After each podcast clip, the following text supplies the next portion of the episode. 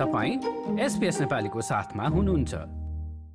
अप्टस data उल्लङ्घनबाट प्राप्त जानकारीलाई कथित स्क्याममा प्रयोग गरेको आरोपसहित एक किशोरमाथि मुद्दा दायर गरिएको छ। उनलाई साइबर हमलाको संदिग्धका रूपमा भने हेरिएको छैन।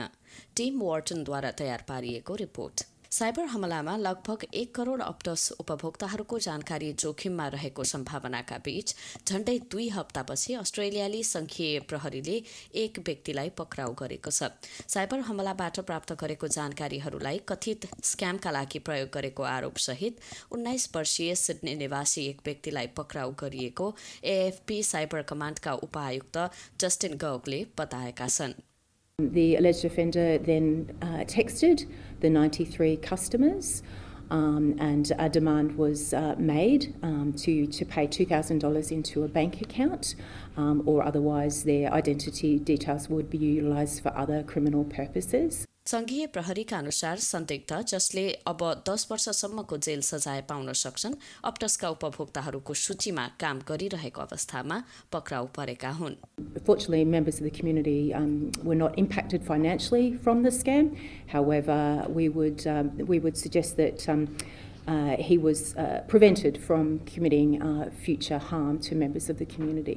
उक्त पक्राउ पहिलो भए पनि भविष्यमा अझ धेरै हुन सक्ने प्रहरीको अनुमान रहेको छ संघीय सरकारले एक नयाँ कानून ल्याएको छ जसले अप्टस जस्तै दूरसञ्चार कम्पनीहरूलाई व्यक्तिगत जानकारीहरू अस्थायी रूपमा वित्तीय संस्थाहरूलाई उपलब्ध गराउन अनुमति दिन्छ।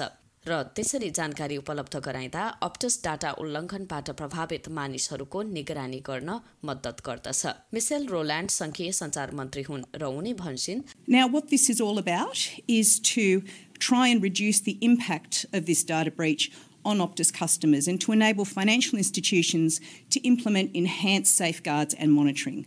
And that's because we take people's personal information and the protection of that very seriously. बाह्र महिनाका लागि रहने प्रस्तावित कानूनमा वित्तीय संस्थाहरूलाई जानकारीहरू नचाहिने भएपछि त्यसलाई नष्ट गरिने ग्यारेन्टी दिनुपर्ने ट्रेजरर जिम चामर्सले बताए Uh, they've been carefully designed uh, with strong privacy and security safeguards to ensure that only limited information can be made available temporarily uh, to prevent and respond to cybersecurity incidents, frauds, scams, and related activities.